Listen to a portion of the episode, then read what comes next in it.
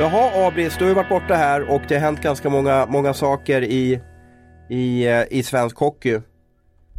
Det är alltså snart februari och nu väntar de roligaste hockeymånaderna på året, tycker jag. Abris, vad ser du fram emot kommande tiden att få bevaka? Vad, vad är det som du tycker att det här är absolut det bästa och det roligaste partyt? Det är ju streckstriden absolut, så är det Nu har vi ju gjort I vilken liga? Ja, i SHL framförallt skulle jag vilja påstå. Eh, den här hockeyallsvenska finalen har jag ju haft lite svårt att gå igång på. Så det känns ju som att det kommer igång först när det är klart vilka lag som ställs mot SHL-lag. Ja, det känns ganska avgjord också. Det känns avgjort också, ja, ja, ja, jo, jag menar det. Och eh, den finalen i sig tycker jag är, ja. Och säsongens mest överflödiga matchserie. Så att den, den bryr jag mig inte så mycket om. Utan det är väl streckstriden i SHL tycker jag just nu i alla fall som, som jag går igång mest på. Ja, och, och Tellan du som har förflyttat från omklädningsrummet till, till pressläktaren, om man kallar för det. Vad, vad, tycker du är mest intressant att ha koll på när du sitter och käkar popcorn och, och kollar på TV? Ja men det mer, mest intressanta nu tycker väl jag rent närtid är väl liksom just det här vilka lag kommer försöka få in spelare i sina trupper liksom för att ta nästa steg om man ligger långt ner som eh, Örebro och Timrå gör, alltså vad vill man få in för att klara sig kvar i SHL och är man topplag, vad vill man göra för att kunna ta nästa nivå och, och vinna hela SHL? Det är lite det som är spännande just nu. Vi ska starta och prata lite om deadline day, men jag uppfattar ju att deadline day är inte som en riktig deadline day ska vara, utan det brukar inte hända så mycket. Vi har ju haft sändningar i fem års tid runt deadline day och, och kanske stirrat lite avundsjuk på fotbollens eh, deadline day, men det blir ju inte så mycket, det händer ju inte, inte så mycket action.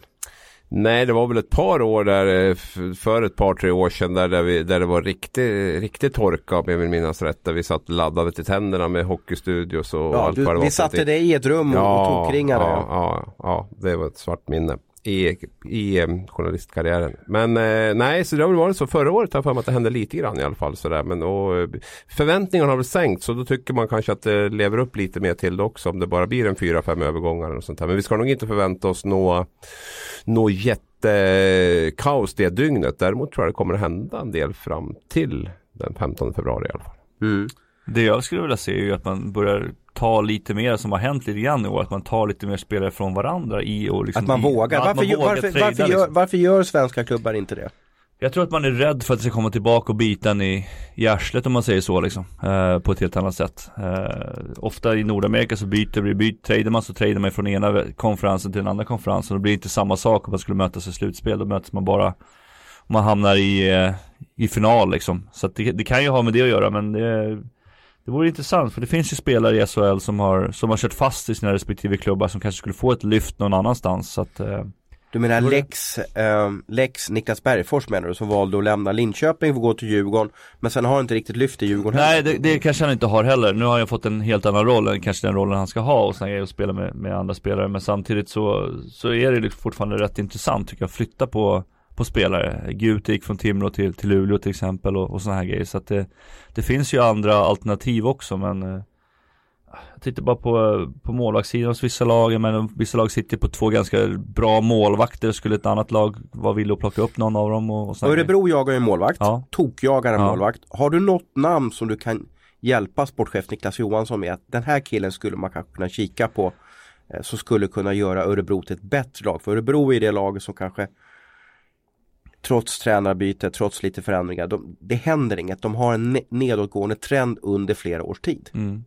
Har du något namn som du känner liksom att det där skulle kunna vara en, en liten möjlighet för dem ja, att bli alltså, bättre? Jag tänker så på en sån här rutinerad målvakt som, som, eh, som Rautio i Brynäs. Där är det det säger att det är redan klart med Ersson inför nästa år. Varför skulle inte byta ut en sån som Rautio, kanske komma till Örebro och få hjälpa dem liksom och Men då sänker ju Brynäs sina möjligheter att ha två bra målvakter och gå in i ett slutspel. Ja, där får du fråga om de vad som finns eh, bakom, bakom eh, på juniorsidan där har jag faktiskt ingen koll på i Brynäs. Nej, det är de väldigt glest bakom det, är väldigt där just nu. Ja. Det finns ingen, ingen, ingen ny Ersson där just nu i alla fall som, som jag ser i alla fall. Nej. kan plocka upp så att jag, jag tror att de, eh, det har ju visat sig också att ska man eh, vara med i slutspelen bör man ju ha två målvakter som man kan spela. Och just Brynäs fall så men visst det går väl att Det går väl att hitta andra målvakter där i, i Allsvenskan kanske som det går att, går att plocka upp och så. Men jag tror att det är så lite tid kvar på kontraktet och så är det så lite pengar att tjäna också på att, på att uh, släppa iväg honom nu kontra vad det skulle kosta mm. att inte ha två bra Det är väl det som är problemet med om vi jämför svensk hockey med nordamerikansk hockey att spelaren ska säga ja. Mm två klubbar ska säga också, mm. också, jag, också kanske en spelarfru och så vidare. Ja. Liksom då. I, I Nordamerika så räcker ju att klubbarna kommer överens. Om mm. det inte är någon no trade klausul mm. eller någonting. Då blir det ju mer än att man spelar kort. Absolut, det är det som är det svåra, var svårt själv också att hitta. Men du har ju en sån som eh, Wallin nu i Mora som är tredje keeper. Skulle han kunna gå till Brynäs och sen Rautio till Örebro liksom. Och, det blir liksom en trevägsvariant där liksom. Mm. Uh, Sådana grejer skulle kunna vara intressant men uh, nej. Mer... Samtidigt hör jag om Mora där att Christian Engström Ja, mår, han mår inte så bra nej. Så att jag vet inte om hur Hur, hur de vågar släppa vidare Precis, ja, då, då, släpper de ju liksom en, en mm. Då kanske de bara står med en målvakt där Det här var ju bara ett förslag, jag det vet, Men det, det här men... är precis mm. det folk älskar att höra om här Jag vill slänga ut Malte Strömvall som spelade eh, i klubb, den finska klubben med underbara namnet Koko eh, Och han har gjort succé i i den finska ligan. Han, det är hans bästa säsong någonsin. Jag har sett lite highlights på honom. Han gör mål från lite olika ställen på isen. Han har gjort 40 poäng på 39 matcher i ett, ett bottenlag då. I, och i Finland funkar det så här att de sämsta lagen får inte spela slutspel utan deras säsong är över. Man kan inte åka ur i Finland. Eh, och det har ju varit en trend senaste åren då att man, att man försöker hitta lite fynd i finska ligan. Jag tror att Malte Strömvall skulle tillföra väldigt mycket till lag som behöver, behöver målskyttar i svensk hockey. Typ Örebro. Ja, men Örebro behöver väl allt som Timrå och så vidare. Ja, men liksom. framförallt så är det väl, är det väl eh, målskyttet där och delvis målvaktsspelet då med tanke på ja, att Kilpeläinen är skadad. Och pa Palusha är ja, borta exakt. också. Palusha är borta du som har koll på Sandström då, skulle han kunna ta det klivet från HV där? Och så plockar ja. de in Åman från Jo, det är väl klart. Eh, För han har ju ändå en tendens att kunna bli het i alla fall. Mm, mm. Jo då, nej absolut. Det, det beror lite på hur Örebro tänker också. Vad jag förstår så ska väl Kilpeläinen vara tillbaks till landslagsuppehåll här i februari eller någonting sånt. Va? Så att, eh, det är väl frågan om hur, hur, mycket panik man har där. Mm. Om, man, mm. om man behöver plocka in någon nu och så har man tre målvakter då, eh, i, från februari och framåt. Då. Eller mm. om man ska satsa det på att försöka få in lite mer spets framåt. Mm. Det som är intressant med Malte Strömvall då, han gör ju sin bästa säsong i, i karriären. Och haft det lite tufft. Jag menar det har varit Asplöven, Luleå, AIK eh, över till Nordamerika. Eh, jag vill också påstå att skulle han åka till Örebro och kanske åka ur med Örebro då har han sänkt sitt marknadsvärde. Så det beror kan... lite på hur det går. Alltså gör han det bra där så har han väl inte sänkt sitt. Jo men det är tufft att göra det bra i ett lag som i ett bottenlag. Jo, det kan man ju se. Samtidigt kan man ju se att det finns gott om plats att skina i ett bottenlag också. Kolla på Palusha här nu som har varit lite the big star där och fått, fått, fått glänsa ordentligt. Jag menar Strömwall, det är inte jättekonkurrens om att göra mycket poäng där så att eh, oddsen på att Strömwall kommer att göra kanske mest poäng i Örebro bland forwards är ju säkert ganska hög också. Så att, eh, det, jag tror det är tvådelat där. Jag förstår din poäng i det men samtidigt så tror jag att eh, kommer han in och gör det bra där så tror jag nog att han har höjt sitt marknadsvärde snarare än att Koko är ju kanske inte den klubb som man har bäst koll på svenska sportchefer. Så att det här är ju ett bra sätt att visa upp sig här också om man ska ha ett, eh, ett jobb här nästa säsong. Ja, och jag vill nästan påstå att ska han vara smartare inför nästa säsong så ligg lågt. Du har dina en poäng per match i finska ligan. Det borde räcka till ett okej okay avtal i ett av de, ett, eh, någon av de mindre ryska klubbarna, tror jag. Vad säger du Tellan? Det tror jag inte. Du tror inte det? Nej. Det Målskyttar? Ja det, ja, det är möjligt. Sen, 19 mål på 39 matcher. Riga skulle kanske kunna plocka upp någon sån spelare för, för en ganska billig peng liksom och, och såna grejer. Men eh, vad har vi mer? Bratislava kanske? Ja. Ja, jag hade nog, nog mer tänkt alltså botten Han är bäst, bästa målskytt i finska ligan. Jag tror att finska ligan har inte så stor eh, Alltså prioritet, om man tänker på SHL i alla fall Så tror jag att den är ganska lågt rankad sådär eh, I alla fall hos svenska sportchefer och såna grejer så att jag skulle nog tro att den skulle hamna kanske till och med i Mora, Timrå kanske, sådana typ av lag. Eh, mer än, än i KL. Det krävs ganska mycket ändå för, för att komma bort till, till KL. Mm. Det finns ju många spelare där borta eh, som, som, som, alltså det är fyra lag mm. som har spelat klart där i finska ligan. Så vi får se vad, vad de hittar. Det gäller ju att värva rätt också. Har du, du spelade ju Riga no några år där och mm. du var i finska ligan. Har du fått en förfrågan inför transfer deadline att, att byta klubb någon gång? Uh, bara när jag var i NHL. Okej. Okay. Har jag fått det. Ja, inte när jag varit i Men har du, fått, har du fått, fick du förfrågan NHL? Jag tror de bara skickade dig till, ja, Nej till... men alltså det var väl en, var väl agenter som i stort sett sa till liksom att nu kommer det säkert hända någonting säkert här. Uh, det var väl så här undermedvetet. Uh, men jag har aldrig krävt att bli förflyttad eller något sådana här grejer utan det, det, går ju alltid rykten liksom. Så är det ju alltid, så det går alltid rykten när man spelar dåligt och det går alltid rykten när man spelar bra att man ska hamna någon annanstans liksom. Uh, så att nej, det, det är det man får leva med. Man får väl lyfta fram Mora lite grann där som har gjort en rätt bra silly season under säsong här och, mm. och fått in bra spelare. Juvonen har ju spelat bra också här på sistone och, och man har plockat in Spencer Abbott sent. Man plockade in den här Stransky-checken där och eh, har ju också fungerat bra. Så det känns som man har fått ihop två rätt slagfärdiga första och andra kedjor nu i, i Mora där och det har väl visat sig också i poäng, poängskörden på sistone. Det är lite överraskande för mig faktiskt att de eh, har ryckt upp sig så pass. Men det är ju mycket för att de här värvningarna som de har gjort mm. har, har studsat rätt. Där får man väl ge Anders Fort väldigt, ja. det måste man ändå göra. Jag kan tänka mig att han ändå har haft lite nytta av sitt jobb som scout. De har ändå bra koll på spelarna scouterna och där tror jag nog att en sån som Strandsky har säkert sett en hel del på eh, olika, i olika sammanhang och sådär. Så, så det, det, det, hjälper nog till. Ja och sen har ju de, de har ju en databas scouterna som, som är, är, är eh, jätteetablerad och, och väldigt detaljrik och så vidare. Och, och eh, innan vi lämnar Mora snabbt så de alltså skickade de hade ju både Skogs, Thomas Skogs och Emil Beijmo var ju lagkaptener inför säsongen. Mm. Båda två har de liksom nu kastat ut på ja, soptippen och, och erbjudit till försäljning till andra klubbar. Skogs har ju fortfarande inte bytt klubb men Beijmo är ju Södertälje nu. Mm. Så de har egentligen också orkat vrida till allting mm. bara för att hitta eh, en nytändning i laget och då har de ju fått nu. nu, nu, nu de är ju inte klara ännu, de, de kämpar ju fortfarande om att slippa kvala då men de har gjort det väldigt bra. De är en av, ser vi på de fem senaste matcherna så är Mora ett av de formstarkaste lagen. Och den, det trodde jag aldrig jag skulle säga här i Hockeystudion. Nej, nej det, var, det var lite tveksamt. Vi var ju lite oroliga när, när Forsberg tog klivet ner i, i båset också. Det är aldrig, mm. aldrig bra grejer. Men det kanske ju berodde på att han ville känna av truppen lite grann och se vilka typer av spelare, karaktärer de ville ha i laget också. Känna av liksom, skulle de här spelarna kunna passa in liksom?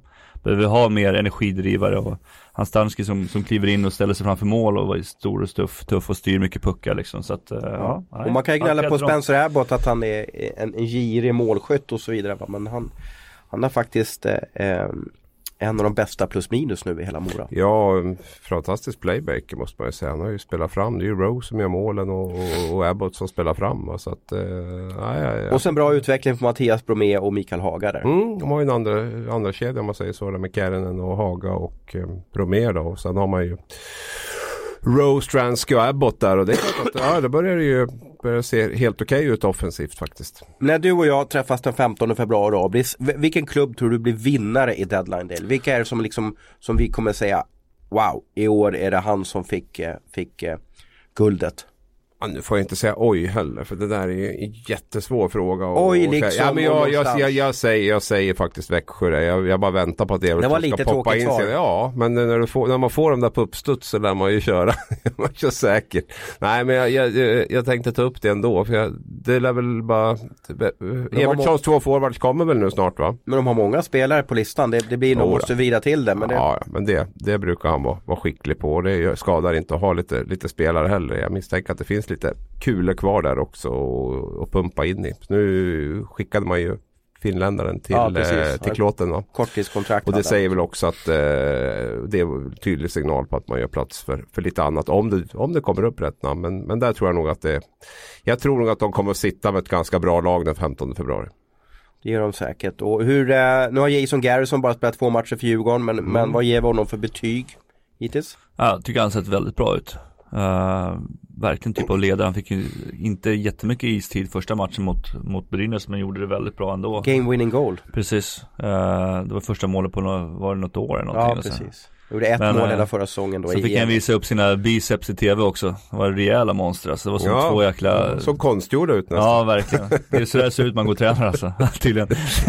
ja, måste ha bra skivstänger där i Ja, kör bara diskoträning varenda dag när han är i mm. gymmet. Nej men Nej, eh, positivt överraskad faktiskt än så länge. Uh, slutspelsspelare skulle jag säga liksom. Det är, ja, Urbom och han är, påminner mycket om varandra liksom. Så att det är en bra värvning. Varför får han inte spela powerplay? Eller är det för att det har gått för kort tid? Jag tänker på att han besitter ju ett ganska bra slagskott. Mm.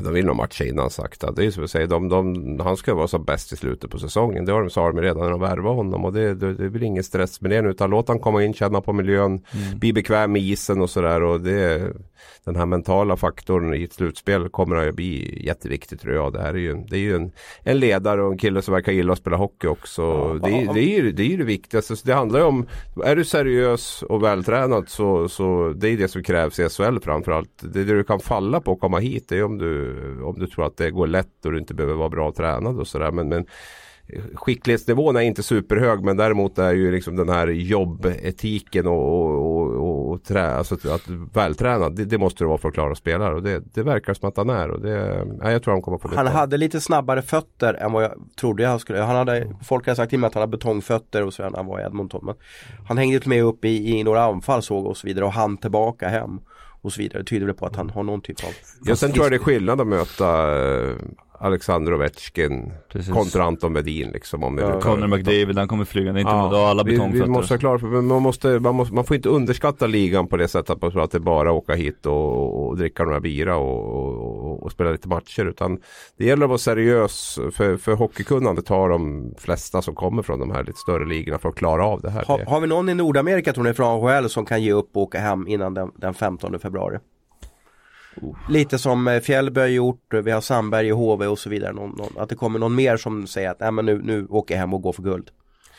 De flesta brukar ju komma under hösten. Det är, det är inte så vanligt att det kommer spelare från, från eh, AHL och eventuellt NHL eh, i februari. Utan det brukar ju vara de som, som ger upp efter två månader. Har man varit kvar så här länge så, så brukar man väl så brukar de hålla i hela vägen in. Så att jag, jag har inget namn på, på rak arm. Jag instämmer med, med Abris. Jag vet att du har nämnt uh, Högström för, för han har ju precis spelat sina, mm. sina första matcher här nu. Så att uh, han, är, han är igång och spelar och jag tror inte att han är sugen på att komma hem. Och någon målvakt har vi inte heller där borta direkt som man kan tänka på heller va? Som, som kan komma hem? Ja. Nej, alltså det var väl uh, Eddie Leck förut men han är ju mm, skadad mm, ja. nu borta så att ja. han hade ju varit ett intressant namn att plocka hem tror jag. Mm. kanske även för nästa år. Mm. skulle ju vara någonting.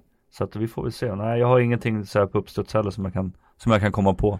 En spelare jag tänker på som, som var väldigt nyttig för Mora i fjol det var ju Jakob Nilsson då som, som verkar vara väldigt långt ifrån en, en NHL-chans då. Men samtidigt, mm han kan väl köra det här året där borta. Men det var väl, var väl snack om att han hade gjort det väldigt bra där i AHL och, och låg hyfsat nära där. Men med Colleton nu som headcoach i Chicago också så jag vet inte, får, tror inte att han får en bättre chans om han nu ska spela NHL så, så har han i alla fall en tränare som vet exakt vad han, vad han går för och, och sådär. Så att vore jag Jakob Nilsson skulle jag ju definitivt köra minst två år där.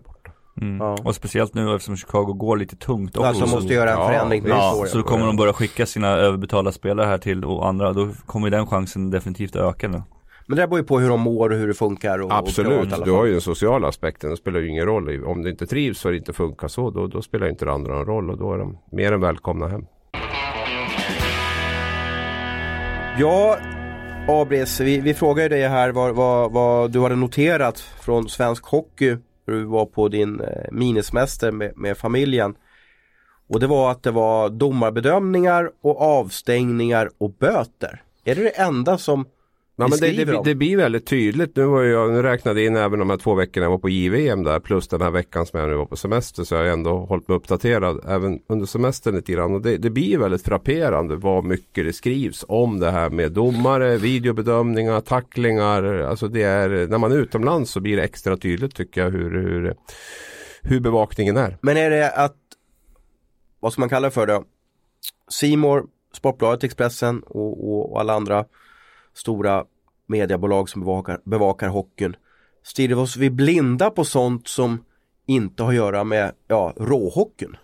Jag tror väl att antalet matcher och lite grann det här med kvaliteten, profiler, färre profiler också att skriva om gör ju att det blir mera fokus på de här sakerna. Att det är mera rubrikvänligt, klickvänligt, intressant kanske också, vad vet jag, liksom en, jämfört med Mora och Örebro i omgång 33 som slutat 1-1 eller någonting. Så det, det, det, är väl en kombination tror jag av att vi ibland kanske väljer att, att, att, fokusera för mycket på den typen av händelser och att eh, ligan ibland har svårt också rent sportsligt eh, erbjuda den attraktionen som, som krävs för att man ska, ska skriva om det det är ju så att ligan, om vi pratar om SHL nu och även Hockeyallsvenskan Jag vill inte säga att SHL är satt men, men det blir inga direkt förändringar utan det är lite så här gråmos som går runt. Så ja, och sen det... är väl liksom januari känns ju som helvetesmånaden på något sätt när det gäller eh, SHL. Har vi pratat om mörka november men jag kan ibland uppleva att januari är nästan ännu saggigare. Fast det har varit bra publiksiffror tycker jag. Det har varit bra men, men det är lite där mellandagshockeyn där är det bra tryck och så, sen blir det en liten baksmälla två första veckorna i januari tycker jag. Nu satt jag och kollade i helgen och tyckte det var ganska bra matcher så att, eh, och, och bra inramning och sådär. Så att nu, nu kändes det som att det hade lyft lite grann igen och nu tycker att det här blir intressant framåt deadline day och och avslutningen på SHL. Alltså det känns som att vi har gått igenom det saggigaste och det värsta. Men eh, vad säger man som, från en spelarperspektiv när, när media väljer att fokusera på, på en domarbedömning eller en avstängning eller, eller ett, ett, ett misstag istället för kanske en, en, en snygg räddning? Jag tror att vissa spelare tycker det är ganska skönt att slippa få den här kritiken mot sig själva, liksom att det fokuseras på någonting annat. Eh, det, det, märker man ju bara på vissa spelares uttalande hela tiden som har varit här under hösten, att de får lite vatten på sin kvarn liksom, att det, att det är så här som det är liksom.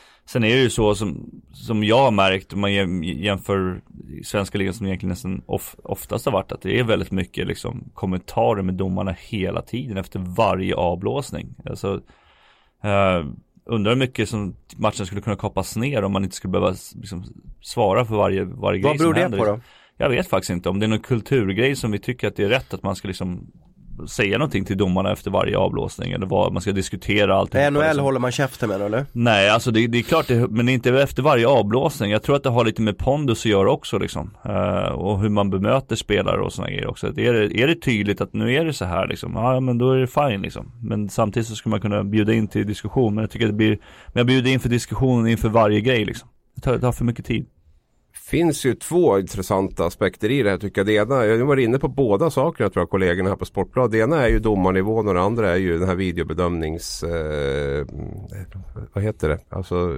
antalet videobedömningar som vi har. Där, där tycker jag att vi har ett, ett stort problem. Jag tycker inte att vi har, att vi har dåliga domare. Det kan inte jag heller tycka. Det, det, tycker jag inte. Jag tycker tvärtom att vi har bra domare här. Jag tycker vi har seriösa domare som vill. Men däremot har det varit en del olyckliga saker som har Dels det här med, med, med Rönnmark Gate där domarna inte har Alltså jag, jag, jag, tror att inte man har jobbat tillräckligt mycket med domarna, hur man dömer med fyrdomars, hur man snackar ihop sig, allt det här. Så det har blivit att det, det har inte, vi har inte fått den här effekten av fyrdomar som vi hade hoppats på. Eh, så, så, det är ju en, en del i det och eh, sen är det också det här att jag tycker lite som du var inne på mot eh, efterbrys Djurgården att man har devalverat domarna. Jag tycker domarna utstrålar ingen pondus på isen längre. Man, man är bara väntar på att få liksom beskedet på vad de ska döma. Och där måste vi försöka hitta bort från det här och minska antalet videobedömningar okej, okay, pucken över linjen eller inte kan jag köpa. Det andra måste vi nog plocka bort för det här blir, det blir inte bra det här. Och den här diskussionen har man ju starkt inom fotbollen nu också där, där, där VAR har kommit in och vi trodde väl också att det här med videobedömningar var liksom räddningen. Nu skulle vi få millimeterrättvisa, nu skulle allting bli rätt och nu skulle det bli bra allting. Jag, jag är jätteorolig på vad det här kommer att ta vägen för man märker det också att ju fler, ju fler gånger du vevar en situation, du kan hitta någonting i allt som, mm. som, som är. Och vi, vi, måste få, vi måste få in det här nu att det, att det får bli fel ibland att domarna dömer. Men då ligger det ju en lång väg att gå där också. Då måste ju vi måste sluta hålla på och fokusera på på vissa saker. Simor måste sluta veva de här reprisbilderna och Ja det är inte bara Simor, du, du, har ju också hundra giffare där ute som kan hitta vinklar och, och, och sådär. Eh, igen, jag var ju på den här Brynäs-Djurgården i, i fredags och då var det ju, då gjorde Brynäs 2-2, domaren eh, dömde mål på isen. Men sen så eh, kom en lång eh, domarkonferens där de till slut tog bort målet och, och Djurgården vann matchen till slut också där. Och det är ju viktigt att säga att enligt regelverket så är det ju rätt. Alltså det är, I stort sett så är det ju inga, ingenting att säga om det. Alltså, Men det var ingen på, på isen, nej, inte Djurgårdsspelarna brydde sig inte. Det är där konflikten är. Mm. Att du måste ju också väga in känslan på isen, känslan för situationen. För går du bara på kameran hela tiden så, så blir det inte heller bra. Även om det blir eh, i teorin blir rätt så blir det inte bra.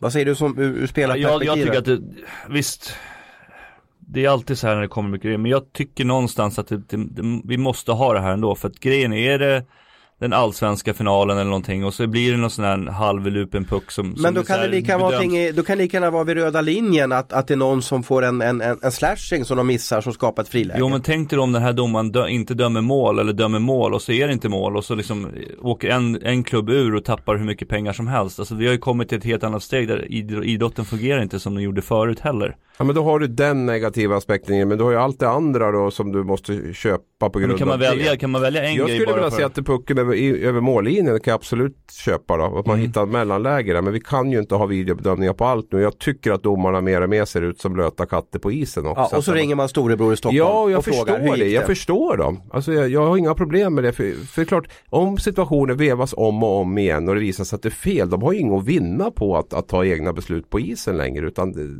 de kan, det kan ju nästan bara bli fel då. Utan det är bättre att vänta in det här och liksom få det då korrekt enligt, enligt eh, situationsrummet då, och då kan ingen skylla på att domaren har gjort fel i alla fall. Ja, så slipper de massa mordhot och skit och såna grejer. Men det är intressant, ja. där har ju SHL lite att jobba med efter säsongen i alla fall. Åt vilka håll eh, ska vi gå? Ska vi fortsätta ha den perfekta sporten eller ska vi gå tillbaka till att bli lite mer bedömningssport? Eh, jag blev förvånad i fredags när de tog bort målet för att det var spelarna på isen brydde sig inte. Alltså det var ingen, det var ingen tjafs om det så att säga. Mm. Liksom. Den har vi ju, ja fortsätt. Nej, nej, ja, det, det är lätt för mig att sitta här som, som målvakt naturligtvis. Men det är så målgården, fan, de har ju stuttat i hundra år liksom. Det, det är ingen nyhet att det är målgård där. Och förr, jag menar för vad är det, 15 år sedan fick man knappt stå i målgården. Då bedömer man bort det. Men då blåste, liksom... dom, då blåste domarna när det var kontakt. Och, och, nu känns det som att man, man blåser inte för kontakt heller. Utan det gör man möjligtvis efteråt man har tittat på det. Men då Precis. såg man en händelse, man mm. hade en känsla för en händelse. Mm. Nu störde han målvakten och då blåste man av. Och så, mm. och så vart det tekning. Ja, man gjorde det. Ut med händerna direkt. Det, det har försvunnit nästan. Utan istället så, så, låter man bli att blåsa dem och, och titta på, på, på video, video mm. efteråt istället och ser att oj nu var han på målvakten. Så det blir men igen, nu sitter vi och pratar om videobedömningar. Vår utgångsfråga var ju där, fokuserar vi för mycket på sådana här saker i svensk media? Ja, det tycker jag vi gör. Alltså det man skulle kunna göra för ett exempel då är att man fortsätter spela och sen om det skulle vara någonting då i efterhand så slipper man sitta och vänta på att det här ska liksom ta 15 minuter liksom. Och sådana så får man väl ta tillbaka tiden då. Liksom.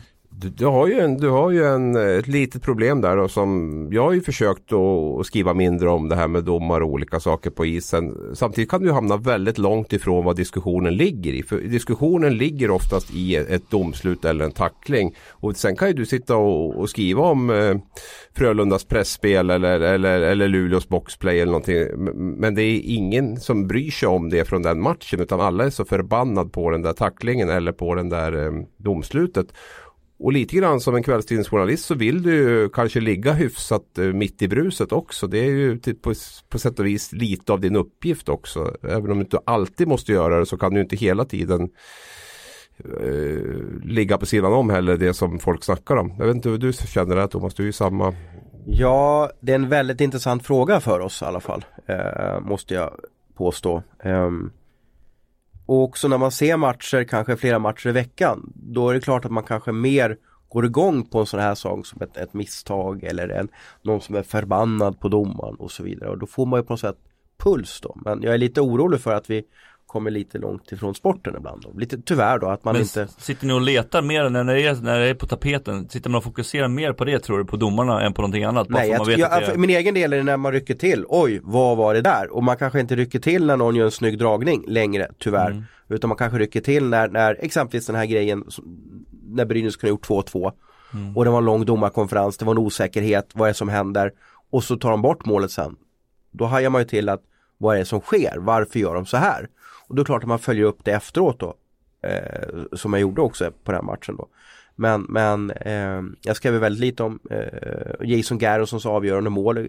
kunde man ju skrivit ännu mer om. Mm. Jag intervjuade inte honom efter matchen. Eh, kanske man skulle gjort då. Kommer hit, mål i första. Spelklar 16-0 och sen eh, 20-37 gör han 2-1 målet där. Det kanske man skulle ha fokuserat ännu mer på då. Ja, och man vet ju, man har ju i bakhuvudet så har man ju lite grann också hur kommer sajten att se ut, vad kommer man att fokusera på? Hamnar man i källan eller hamnar man högst upp? Ja, liksom, då blir det kanske det här eh, Rönnbergs utbrott efter Frölundas förlust och så, och så har man någon tyckare där det står att eh, Stäng igen käften. Nej, ja, det, ja det, då hamnar man väl rätt då, men om man då skriver liksom att eh, Frölundas pressspel var grymt i de två första perioderna så, så kanske inte det blir någon sådär jättebra rubrik som, som matchar övriga innehållet där. Så det är klart att det finns, det finns ju så. Vi ska inte, ska inte liksom låtsas som att det inte eh, finns en sån eh, aspekt av det i det hela också. Men, men eh, nej, vi, vi får väl försöka och, och bättra oss. Jag tycker ändå att jag har försökt att och, och inte ställa de här frågorna om domarna hela tiden på presskonferenserna. Hey, I'm Ryan Reynolds. At Mint Mobile, we like to do the opposite of what Big Wireless does. They charge you a lot, we charge you a little. So naturally, when they announced they'd be raising their prices due to inflation, we decided to deflate our prices due to not hating you. That's right. We're cutting the price of Mint Unlimited from $30 a month to just $15 a month. Give it a try at mintmobile.com slash switch. $45 upfront for three months plus taxes and fees. Promote for new customers for limited time. Unlimited more than 40 gigabytes per month. Slows. Full terms at mintmobile.com. Dags för eh, quizen och vad, igen. Alzheimer-ros här, vad, vad, vad står det? 3-2 eller vad är det för något nu? Ja, 3-2 va? 3-2 till Hans Abrahamsson. Ja, det känns och den här quizen ska jag ju säga att den, den gjordes ju eller produceras eh, inför förra veckans program och då var ju meningen att Mikael Tellqvist och Niklas Persson skulle mötas. Så jag la den på lite lägre nivå och jag la den på ett sätt som, som de skulle kunna känna igen sig liksom i det hela. Uh, uh, om det är, är några ledtrådar eller inte, det vet jag inte. Men, men det som eftersökes nu är en kort och gott hockeyprofil. Vill ni höra fem poäng? Kör. Mm. Fem poäng. Eh, född 30 april 1953 i Falun.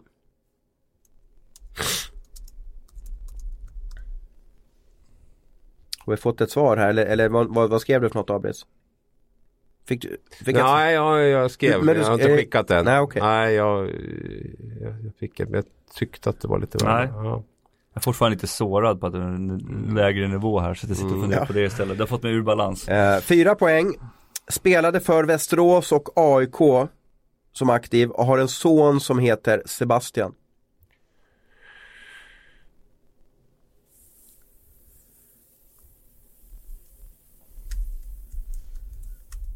Det här måste du kunna Tellan. Jag ser att det är alldeles tomt. Det är som ja. en fågelholk här. Ja, verkligen. Du går inte igång alltså eller? Jag har ingen koll på AIK. Nej. Västerås då? Nej det är dåligt, det är svartgult det också. Det är dåligt. Vad fan. Och Abel skriver och skriver och skriver. Nej, jag skickar. Du skickar? Ja, jag gör det. Ja. Vi har fått ett svar från ja. Hans Abrahamsson på 4 poängsnivån. Vi fortsätter, vidare. 3 poäng. Årets tränare 2004.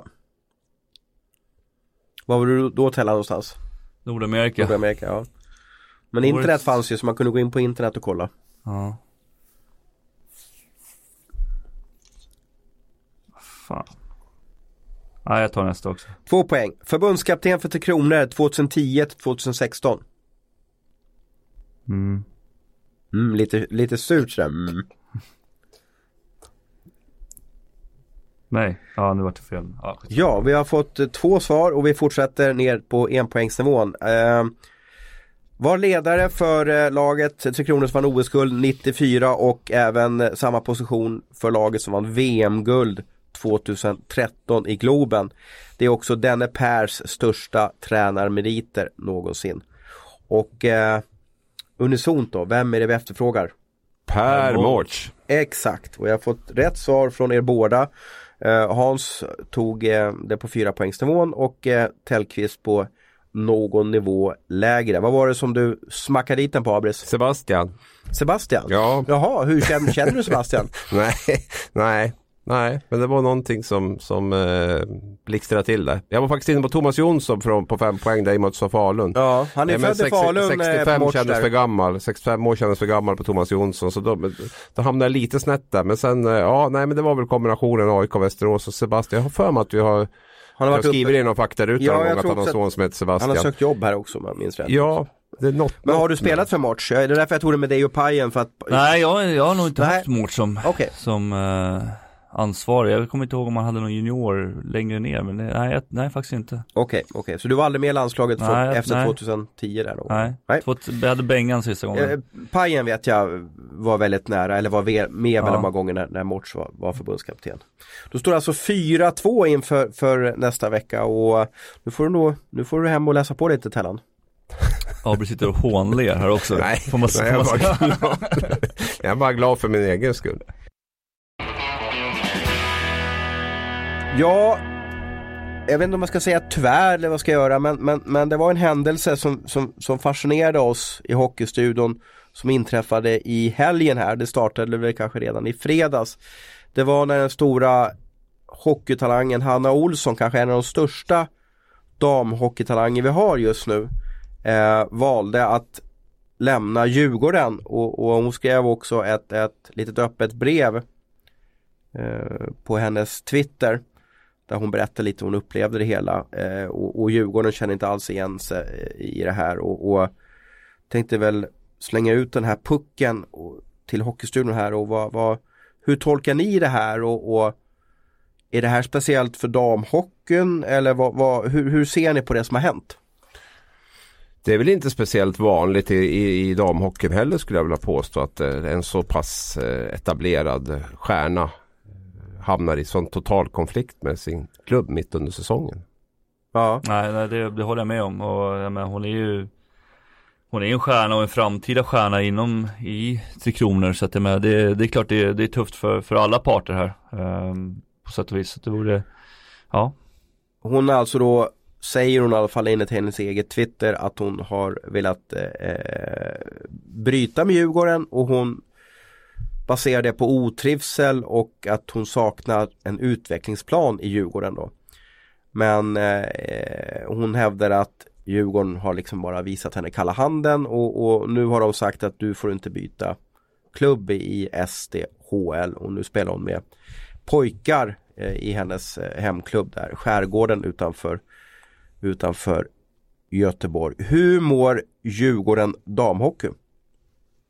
Ja men det är, det är väl lite tufft naturligtvis med, med tanke på att Nisse och Daniela ska lägga ner nu också och eh, de behöver få in en till, några till personer som, som kan ta det här och, och driva det här vidare som, som Nisse och Daniela de gjorde de första åren liksom. Eh, och kom in med, med mycket energi och kraft. Men, eh, Ja, det, det, finns ju två sidor av det här myntet naturligtvis. Hanna säger sin sak och, och det man hör från, från Djurgårdsläget är att de inte känner igen sig alls i det som, som Hanna säger och uttalar sig i liksom, utan att det, det har varit lite konflikter eh, en kortare tid här och, och Djurgården påstår liksom att de vill utmåla sig själv som ett offer liksom och sådana grejer. Så att det, ja, ja det, det, det är svårt.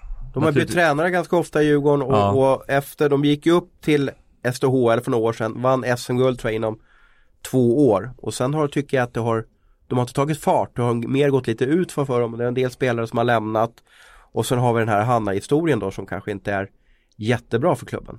Nej, det är den ju inte uh, på många sätt och vis. Det är inte bra att, uh, att Hanna har, har mått som hon har gjort och sen om det då inte riktigt är helt sanning det som hon säger heller är naturligtvis inte bra heller. Men det är hennes, hennes det, det, är hennes version och, och det som, som man hör själv är att Djurgården och Djurgårdens spelare inte känner igen sig i det här uttaget i hennes uttalande. Att hon har haft en ansträngd eh, position då. Men ska, idag är upplägget så att det är de stora klubbarna, SHL-klubbarna som valt att satsa på, på, på ha damhockeyverksamhet. Blir det en sund miljö för damhockeylirarna och damhockeytränarna när de hela tiden får stå med mössan i handen bredvid SHL-klubben? Det finns ju egentligen bara på ett ställe som det har slagit väldigt väl ut och det är Luleå då som har lyckats fått harmoni i, i damhockeyn och herrhockeyn och, och skapat intresse för, för damhockeyn också. Ska, ska damhockeyn gå åt, åt den vägen att, att man inte har SHL-varumärket, alltså SHL-klubbvarumärket på sig utan man kan, ska man hitta att, att typ Enköping har ett damhockeylag som, som är som satsar på SHL? Ja, jag tror inte alls på den idén. Jag tror att ska man bygga damhockey nu i den position man befinner sig i nu så tror jag att det är ett måste att SHL-klubbarna är de som står bakom när det gäller allting från liksom, träningsfaciliteter till medical team till eh, ja, allt vad det är, fystränare. Liksom, det är ju för att kunna ta del av de resurserna som redan finns där så tror jag att eh, jag tror att det är ett måste. Men de får ju knappt några löner, de får spela i Nej, mindre men det tror jag inte de får i Enköping heller. Jag tror att i, i det läget som det är nu med det intresset som ganska ganska svaga publikintresset som är så tror jag att de eh, har mycket mer att vinna på att tillhöra en SHL-klubben än att vara i en eh, typ Göteborgs FF eller någonting sånt där. Eller SEG, SDE, SD eller vad det heter. Jag, jag tycker också det här är en sån här grej som sponsorerna skulle faktiskt kunna sätta krav på, på klubbarna också. Att den här procenten ska faktiskt gå till,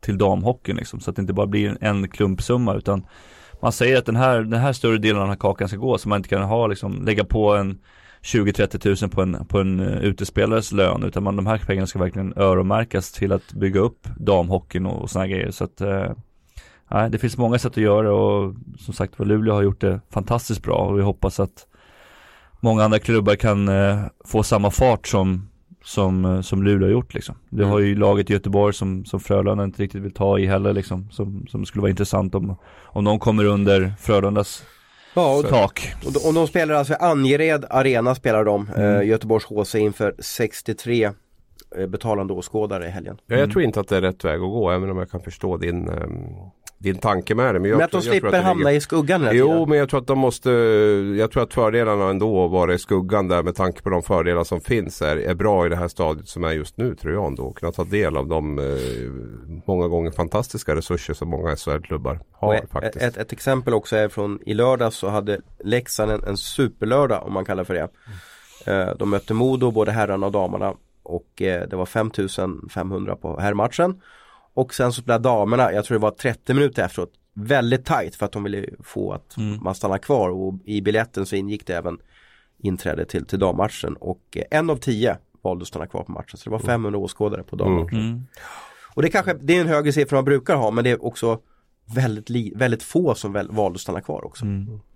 Ja det, det, det är tufft för dem och så samtidigt om man ska gå in på, tillbaka på det här med, med Hanna också så är det ju också så här att de är ju de ska ju vara professionella och då, då måste ju man hitta någon lösning där som, som gör om man ska byta klubb eller inte också. Uh, vad jag förstod det som så har Djurgården försökt hitta någon, någon lösning att man med en tredje part att man liksom skulle kunna byta på något sätt. Men ja, hon valde det inte Om jag hade varit Djurgården så hade jag inte velat släppa dem, släppa henne till Modo eller, eller AIK eller, eller, eller, eller Linköping eller HV. Mm. För det är ju, hon är ju så pass duktig så hon kommer göra deras lag bättre och då kan ju hon slå ut Djurgården i en kvartsfinal. Ja, problemet är att de frigör ju inga pengar i och med att de har så låga löner så frigör ju inte pengar. Utan Djurgården måste ju försöka få spelare tillbaka ja, på något sätt. För att, det. För, för att det, det, är inte att de kan gå ut och handla på någon marknad för Hanna-pengarna. För det första är det väldigt lite pengar och för det andra finns det inte den typen av spelare att handla just nu på, på, den, på dammarknaden heller. Så att det, det finns ju problematik men det är ju skräp att en av liksom, Svensk landslagshockey behöver ju alla bra spelare vi kan ha. Det är skräp nu att hon ska, om hon ska gå och, och inte kunna spela matcher nu fram till, till VM. Är det damhockeyns Elias Pettersson där, ska man säga så?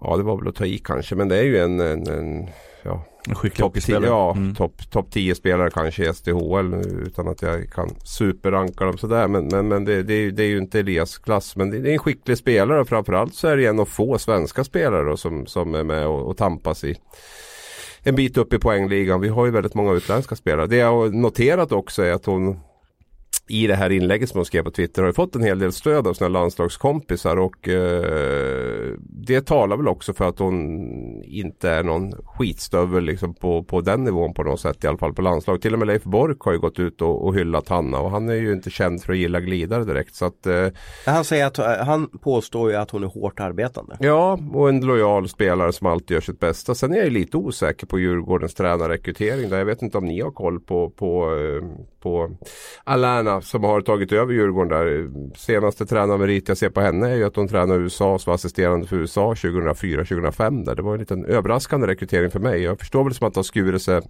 till viss del där också mellan henne och Hanna. Ja men det är inte så också att eh, Djurgården har ju då, eh, när de vann guld så var det Andreas Holmqvist med kollega som, som, som ledde laget och sen i fjol så var det Roger Öhman. Och nu så har de bytt ännu en gång så att säga och det gör väl att den här klassiska röda tråden som finns i en del framgångsrika klubbar inte har funnits i, i Djurgårdens dam. Mm. Ja men så är det, man behöver en, eh, men, om vi ska utveckla tjejerna och bli bättre så behöver man ha just den här röda tråden och kanske ha en, ett gemensamt tänk som de har på, på herrsidan i Djurgården också, att man ska spela på ett speciellt sätt. Um, sen kan jag förstå också att, att man kan faktiskt, uh, jag menar, det ser man ju på herrsidan också när man ska byta spelare, man vill byta också klubb så att då vill man ju byta sig till och få någonting tillbaka som Abris är inne på också. Man kan inte bara släppa spela hur som helst. Tyvärr så är det ju så här det fungerar i, i professionell ishockey. Vi har ju massor med herrspelare som vill byta och sådana grejer men vissa klubbar som inte, som inte släpper bara på grund av det också. Så att, eh. Nej men det har ju, Färjestad kan ju släppa Tobbe Sallinen för de kan hitta någon annan i KHL eller någonting, någon sån spelare i så fall. Kan de värva tillbaka, alltså något liknande. Jo, men där, där var det väl också att de inte ville behålla honom nej, nej, också. Nej, nej, men här är skillnad, Djurgården vill ja. behålla Hanna men ja, hon vill jo, inte. men om vi tar det som exempel så mm. finns det ju en helt annan marknad. Det har man verkligen förstått på damhockeyn. Det, det, finns, det finns verkligen inga spelare. Det är mm. jättesvårt att hitta spelare framförallt liksom Det finns inga juniorlag och sådär. Nej, man, man, är, man är U16-spelare typ typ i ett pojklag och sen är man damlagsspelare. Det är inte bara lyfta luren och ringa en agent och säga att du nu är ute efter en, en målfarlig forward här som, som kan gå in och göra lite poäng i STHL. Det, det... Bakom Emma Nordin så är hon den, den bästa målskytten, svenska målskytten mm. i STHL.